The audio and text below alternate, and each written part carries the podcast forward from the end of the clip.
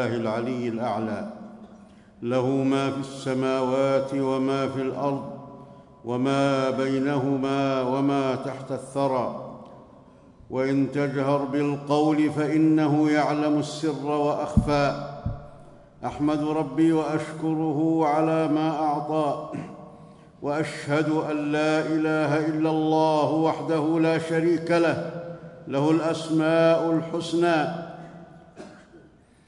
وأشهد أن نبينا وسيدنا محمدا عبده ورسوله. وأشهد أن نبينا وسيدنا محمدا عبده ورسوله المصطفى. اللهم صل وسلم وبارك على عبدك ورسولك محمد وعلى آله وصحبه البررة الأتقياء. أما بعد فاتقوا الله أيها المسلمون حق التقوى. واعلموا واعلموا أن الله يعلم ما في أنفسكم فاحذروه. إن الله لا يخفى عليه شيء في الأرض ولا في السماء. عباد الله إن أعمال القلوب أعظم شيء وأكبر شيء فثوابها أعظم الثواب وعقابها أعظم العقاب. وأعمال الجوارح تابعة لأعمال القلوب. ومبنية عليها ولهذا يقال القلب ملك الأعضاء وبقية الأعضاء جنوده. عن أنس رضي الله عنه عن النبي صلى الله عليه وسلم قال لا يستقيم إيمان عبد حتى يستقيم قلبه. رواه أحمد. ومعنى ومعنى استقامة القلب توحيده لله تعالى وتعظيمه ومحبته وخوفه ورجاؤه ومحبة طاعته وبغض معصيته.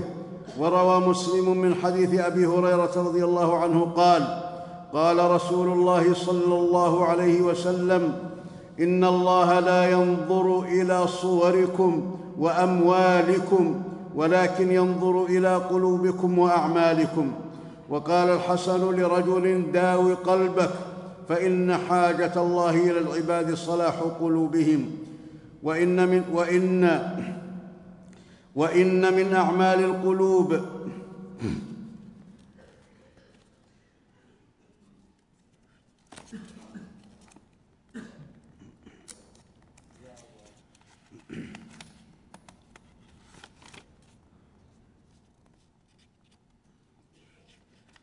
وإن من أعمال القلوب التي وإن من أعمال القلوب التي تبعث على الأعمال الصالحة وترغب في الدار الآخرة وتزجر عن الأعمال السيئة وتزهد في الدنيا وتكبح جماح النفس العاتية الخوف والرجاء. فالخوف من الله تعالى سائق للقلب إلى فعل كل خير وحاجز له عن كل شر. والرجاء قائد للعبد إلى مرضاة الله وثوابه وباعث للهمم إلى جليل الأعمال وصارف له عن قبيح الفعال.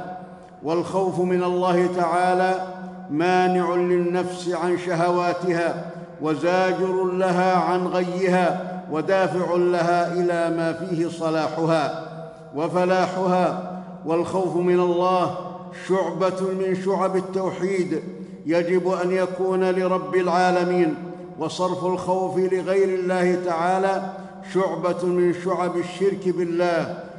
قال الله وشعبة من شعب الشرك بالله تعالى. وقد أمر الله تعالى بالخوف منه عز وجل ونهى عن الخوف من غيره.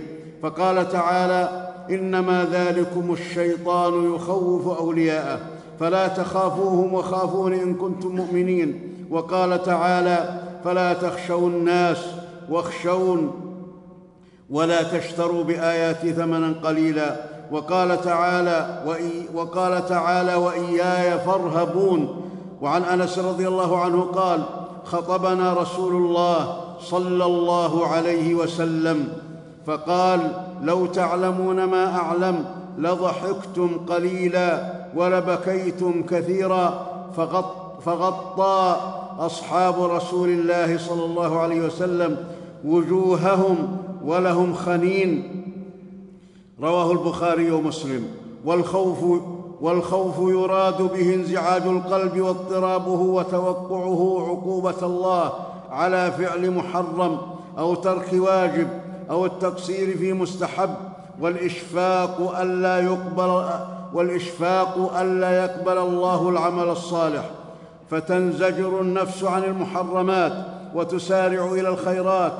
والخشية والوجل والرهبة والهيبة ألفاظ متقاربة متقاربة المعاني وليست مرادفة للخوف من كل وجه بل الخشية أخص من الخوف.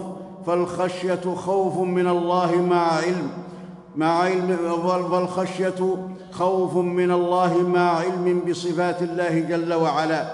قال الله تعالى إنما يخشى الله من عباده العلماء. وفي الصحيح أن النبي صلى الله عليه وسلم قال أما إني أخشاكم لله وأتقاكم له والوجل رجفان القلب وانصداعه لذكر من يخاف سلطانه. وعقوبته والرهبة الهرب من المكروه والهيبة خوف يقارنه تعظيم. وإجلال قال ابن القيم رحمه الله تعالى فالخوف لعامة المؤمنين والخشية للعلماء العارفين والهيبة للمحبين والإجلال للمقربين. وعلى قدر العلم والمعرفة يكون الخوف والخشية من الله تعالى. وقد وعد الله من خاف منه فحجزه خوفه عن الشهوات وساقه إلى الطاعات. وعده أفضل أنواع الثواب. فقال تعالى ولمن خاف مقام ربه جنتان فبأي آلاء ربكما تكذبان ذواتا أفنان؟ والأفنان هي الأغصان الحسنة النضرة. قال عطاء كل غصن يجمع فنونا من الفاكهة. وقال تعالى وأما من خاف مقام ربه ونهى النفس عن الهوى فإن الجنة هي المأوى. وقال تعالى وأقبل بعضهم على بعض يتساءلون. قالوا إنا كنا قبل في أهلنا مشفقين. فمن الله علينا ووقانا عذاب السموم. إنا كنا من قبل ندعوه إنه هو البر الرحيم. فأخبر الله أن من خافه نجاه من المكروهات. وكفاه ومن عليه بحسن العاقبة. وروى ابن أبي حاتم بسنده عن عبد العزيز يعني ابن أبي رواد قال بلغني أن رسول الله صلى الله عليه وسلم تلا هذه الآية يا أيها الذين آمنوا يا أيها الذين آمنوا قوا أنفسكم وأهليكم نارا وقودها الناس والحجارة. وعنده بعض أصحابه. فيهم شيخ فقال الشيخ يا رسول الله حجارة جهنم كحجارة الدنيا؟ فقال النبي صلى الله عليه وسلم والذي نفسي بيده لصخرة من صخر جهنم أعظم من جبال الدنيا كلها. قال فوقع الشيخ مغشيا عليه فوضع النبي صلى الله عليه وسلم يده على فؤاده فإذا هو حي فناداه قال يا شيخ قل لا إله إلا الله فقالها. فبشره النبي صلى الله عليه وسلم بالجنة. فقال بعض أصحابه يا رسول الله من أمن بيننا؟ قال نعم. يقول الله تعالى ذلك لمن خاف مقامي وخاف وعيد ولقد كان السلف الصالح يغلب عليهم الخوف من الله تعالى ويحسنون العمل ويرجون رحمة الله عز وجل ولذلك صلحت أحوالهم وطاب مآلهم وزكت أعمالهم. فقد كان عمر رضي الله عنه يعس وقد كان عمر رضي الله عنه يعس ليلا فسمع رجلا يقرأ سورة الطور فنزل عن حماره واستند إلى حائط ومرض شهرا يعودونه لا يدرون ما مرضه. وقال وقال أمير المؤمنين وقال أمير المؤمنين علي رضي الله عنه وقد سلم من صلاة الفجر وقد علاه كآبة وهو يقلب يده لقد رأيت أصحاب محمد صلى الله عليه وسلم فلم ارى اليوم شيئا يشبههم لقد كانوا يصبحون شعثا صفرا غبرا بين أعينهم أمثال ركب المعزى قد باتوا لله سجدا وقياما يتلون كتاب الله يراوحون بين جباههم وأقدامهم فإذا أصبحوا ذكروا الله فمادوا كما يميد الشجر في يوم الريح وهملت أعينهم بالدموع حتى تبل ثيابهم. ومرض سفيان الثوري من الخوف ومرض سفيان الثوري من الخوف والأخبار في هذا تطول رضي الله عنهم. والخوف والخوف المحمود هو الذي يحث على العمل الصالح ويمنع من المحرمات. فإذا زاد الخوف عن القدر المحمود صار صار يأسا وقنوطا من رحمة الله وذلك من الكبائر. قال ابن رجب رحمه الله تعالى والقدر الواجب من الخوف ما حمل على أداء الفرائض واجتناب المحارم فإن زاد على ذلك بحيث صار باعثا للنفوس على التشمير في النوافل والطاعات والانكفاف عن دقائق المكروهات والتبسط في فضول المباحات كان ذلك فضلا محمودا. فإذا تزايد على ذلك بأن أورث مرضا أو موتا أو هما لازما بحيث يقطع عن السعي لم يكن محمودا. وقال أبو حفص الخوف صوت الله يقوم به الشاردين يقو... الخوف صوت الله يقوم به الشاردين عن بابه. وقال الخوف سراج في القلب. وقال أبو سليمان ما فارق الخوف قلبا إلا خرب فالمسلم بين مخافتين فالمسلم بين مخافتين. أمر مضى لا يدري ما الله صانع فيه وأمر يأتي لا يدري ما الله قاض فيه. وأما الرجاء فهو, فهو الطمع في ثواب الله على العمل الصالح. فشرط الرجاء تقديم العمل الحسن والكف عن المحرمات أو التوبة منها. وأما ترك الواجبات واتباع الشهوات والتمني على الله ورجاؤه فذلك يكون أمنا من مكر الله لا رجاء. وقد قال تعالى فلا يأمن مكر الله إلا القوم الخاسرون وقد بين الله تعالى أن الرجاء لا يكون إلا بعد تقديم العمل الصالح ولا يكون بدونه. قال الله تعالى إن الذين يتلون كتاب الله وأقاموا الصلاة وأنفقوا مما رزقناهم سرا وعلانية يرجون تجارة لن تبور ليوفيهم أجورهم ويزيدهم من فضله. وقال تعالى إن الذين آمنوا والذين هاجروا وجاهدوا في سبيل الله أولئك يرجون رحمة الله. والله غفور رحيم. والرجاء عباده. لا تصرف إلا لله تعالى. فمن علق رجاءه بغير الله فقد أشرك بالله. قال عز وجل فمن كان يرجو لقاء ربه فليعمل عملا صالحا ولا يشرك بعبادة ربه احدا. والرجاء والرجاء وسيلة قربى إلى الله تعالى. فقد جاء في الحديث عن الله تبارك وتعالى أنا عند ظن عبدي بي وأنا معه إذا ذكرني.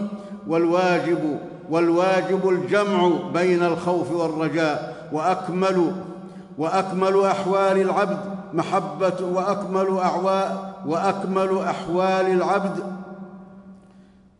محبة الله تعالى مع مع اعتدال الخوف والرجاء. وهذه حال الأنبياء عليهم الصلاة والسلام والمؤمنين. قال الله تعالى إنهم كانوا يسارعون في الخيرات ويدعوننا رغبا ورهبا وكانوا لنا خاشعين. وقال تعالى تتجافى جنوبهم عن المضاجع يدعون ربهم خوفا وطمعا ومما رزقناهم ينفقون. فإذا علم المسلم فإذا علم المسلم شمول رحمة الله وعظيم كرمه وتجاوزه عن الذنوب العظام وسعة جنته وجزيل ثوابه انبسطت نفسه واسترسلت في الرجاء والطمع فيما عند الله من الخير العظيم. وإذا علم عظيم عقاب الله وشدة بطشه وأخذه وعسير حسابه وأهوال القيامة وفظاعة النار وهول المطلع وأنواع العذاب في الآخرة كفت نفسه وانقمعت وحذرت وخافت. ولهذا جاء في الحديث في حديث أبي هريرة رضي الله عنه أن رسول الله صلى الله عليه وسلم قال لو يعلم المؤمن ما عند الله من العقوبة ما طمع بجنته أحد ولو يعلم الكافر ما عند الله من الرحمة ما قنط من جنته. رواه مسلم. وقد جمع الله بين المغفرة والعذاب كثيرا فقال تعالى وإن ربك لذو مغفرة للناس على ظلمهم وإن ربك لشديد العقاب. ونقل ونقل الغزالي رحمه الله عن مكحول الدمشقي قال من عبد الله بالخوف فهو حروري ومن عبد الله بالرجاء فهو مرجئ ومن عبد, ومن عبد الله بالمحبة فهو زنديق ومن عبده بالخوف والرجاء والمحبة فهو موحد سني وفي مدارج السالكين للإمام ابن القيم رحمه الله تعالى القلب القلب في سيره إلى الله عز وجل بمنزلة الطائر فالمحبة رأسه والخوف والرجاء جناحاه. فمتى سلم فمتى سلم الرأس والجناحان فالطائر جيد الطيران.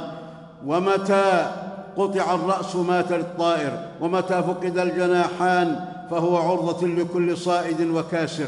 ولكن السلف استحبوا أن يقوى في الصحة جناح الخوف على جناح الرجاء. وعند الخروج من الدنيا يقوى جناح الرجاء على جناح الخوف.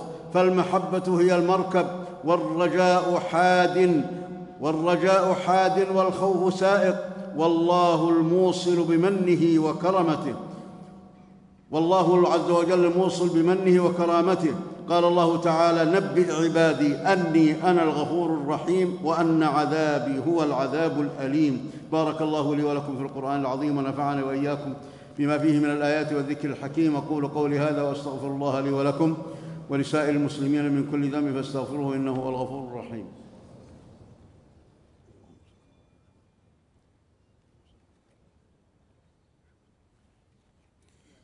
الحمد لله ذي الجلال والإكرام والعزة التي لا ترام وأشهد أن لا إله إلا الله وحده لا شريك له عزيز ذو انتقام وأشهد أن نبينا وسيدنا محمدا عبده ورسوله المبعوث رحمة للعالمين.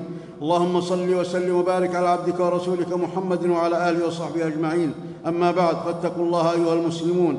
وارجوا ثوابه واخشوا عقابه واسمعوا قول الله تعالى اعلموا أن الله شديد العقاب وأن الله غفور رحيم. وروى البخاري ومسلم من حديث النعمان بن بشير رضي الله عنهما قال سمعت رسول الله صلى الله عليه وسلم يقول إن, أه إن أهون أهل النار عذابا يوم القيامة لرجل يوضع في أخمص قدميه رجل يوضع في أخمص قدميه جمرتان. إن أهون إن أهول يقول النبي صلى الله عليه وسلم إن أهون الناس عذابا يوم القيامة. رجل يوضع في أخمص قدميه جمرتان. يغلي منهما دماغه. ما يرى أن احدا أشد عذابا منه وإنه لأهونهم عذابا. وروى مسلم من حديث المغيرة بن شعبة رضي الله عنه عن رسول الله صلى الله عليه وسلم قال سأل موسى صلى الله عليه وسلم ربه ما أدنى أهل الجنة منزلة؟ قال هو رجل يجيء بعدما أخذ بعدما أدخل أهل الجنة الجنة. فيقال له ادخل الجنة. فيقول أي رب كيف وقد نزل الناس منازلهم وأخذوا أخذاتهم؟ فيقال له أترضى؟ أن يكون لك مثل ملك ملك من ملوك الدنيا فيقول رضيت رب فيقول لك ذلك ومثله ومثله ومثله ومثله فيقول في الخامسة رضيت رب فيقول هذا لك وعشرة أمثاله ولك ما اشتهت نفسك ولذت عينك فيقول رضيت ربي. فالخوف من عذاب الله والرجاء في ثوابه. وفي هذا العصر وفي هذا العصر الذي غلبت فيه القسوة والغفلة وحب الدنيا على القلوب وتجرأ أكثر العباد على الآثام والذنوب ونسوا ونسي كثير منهم الدار الآخرة واستهانوا بعقوبات الله تبارك وتعالى. في هذا العصر يقوى جناح الخوف لتستقيم النفوس وتزكو القلوب وعند الانقطاع من الدنيا يغلب الرجاء لقول النبي صلى الله عليه وسلم لا يمت أحدكم إلا وهو يحسن الظن بربه فالخوف من الله يقتضي القيام بحقوق الله تعالى ويبعد المسلم عن التقصير فيها ويحجز العبد عن ظلم العباد والعدوان عليهم ويدفع إلى أداء الحقوق لأصحابها وعدم تضييعها والتهاون بها ويمنع المسلم من الانسياق وراء الشهوات والمحرمات ويجعله على حذر من الدنيا وفتنها وعلى شوق إلى الآخرة وعلى شوق إلى الآخرة ونعيمها. عباد الله إن الله وملائكته يصلون على النبي. يا أيها الذين آمنوا صلوا عليه وسلموا تسليما. وقد قال صلى الله عليه وسلم من صلى علي صلاة واحدة صلى الله عليه بها عشرا فصلوا وسلموا على سيد الأولين والآخرين وإمام المرسلين. اللهم صل على محمد وعلى آل محمد كما صليت على إبراهيم وعلى آل إبراهيم إنك حميد مجيد. اللهم بارك على محمد وعلى آل محمد كما باركت على إبراهيم وعلى آل إبراهيم إنك حميد مجيد. اللهم صل على سيدنا ونبينا محمد وعلى أزواجه وذريته إلى يوم الدين. اللهم ارض عن الصحابة أجمعين. اللهم ارض عن الصحابة أجمعين وعن الخلفاء الراشدين المهديين أبي بكر وعمر وعثمان وعلي وعن سائر الصحب أجمعين. اللهم ارض عن التابعين ومن تبعهم بإحسان إلى يوم الدين وعنا معهم. اللهم ارض عنا معهم بمنك وكرمك ورحمتك يا أرحم الراحمين. اللهم أعز الإسلام والمسلمين. اللهم أعز الإسلام والمسلمين. اللهم أذل الكفر والكافرين يا رب العالمين. اللهم أذل الشرك والمشركين. اللهم انصر دينك وكتابك وسنة نبيك يا رب العالمين. اللهم انصر دينك وكتابك وسنة نبيك يا قوي يا عزيز. اللهم يسر أمر كل اللهم يسر أمر كل مؤمن ومؤمنة. اللهم اشرح صدورنا ويسر أمورنا يا أرحم الراحمين. اللهم اغفر لموتانا وموتى المسلمين اللهم اغفر لموتانا وموتى المسلمين اللهم نور عليهم قبورهم اللهم ضاعف حسناتهم وتجاوز عن سيئاتهم يا أرحم الراحمين. اللهم إنا نسألك أن تغيثنا اللهم اغثنا اللهم اغثنا غيثا مغيثا اللهم بمنك وكرمك ورحمتك يا أرحم الراحمين. أنزل علينا الغيث ولا تجعلنا من القانطين واجعل فيه بركة وخيرا للمسلمين يا رب العالمين. إنك على كل شيء قدير. اللهم آمنا في أوطاننا وأصلح اللهم ولاة أمورنا. اللهم وفق خادم الحرمين الشريفين لما تحب وترضى ولما فيه الخير للإسلام والمسلمين وما فيه الخير لشعبه ووطنه. يا رب العالمين. اللهم ألبسه ثوب الصحة إنك على كل شيء قدير. اللهم أحفظ بلادنا من كل شر ومكروه واحفظ بلاد المسلمين يا رب العالمين. اللهم الطف بإخواننا المسلمين في الشام. اللهم الطف بإخواننا المسلمين في الشام. اللهم هيئ لهم من أمرهم رشدا يا رب العالمين. اللهم اكفهم شرارهم يا رب العالمين. اللهم اكفهم شر الأشرار وكيد الفجار. اللهم احمهم واحفظهم من ظلم الظالمين واعتداء المعتدين. إنك على كل شيء قدير. اللهم يا رب العالمين ما ظهر منها وبطن إنك على كل شيء قدير. اللهم ادفع عنا الغلا والوبا والربا والزنا والزلازل والمحن. إيتاء ذي القربى ينهى عن الفحشاء والمنكر والبغي. يعظكم لعلكم تذكرون وأوفوا بعهد الله إذا عاهدتم ولا تنقضوا الأيمان بعد توكيدها. وقد جعلتم الله عليكم كفيلا إن الله يعلم ما تفعلون. واذكروا الله العظيم الجليل يذكركم واشكروه على نعمه يزدكم ولذكر الله أكبر. والله يعلم ما تصنعون.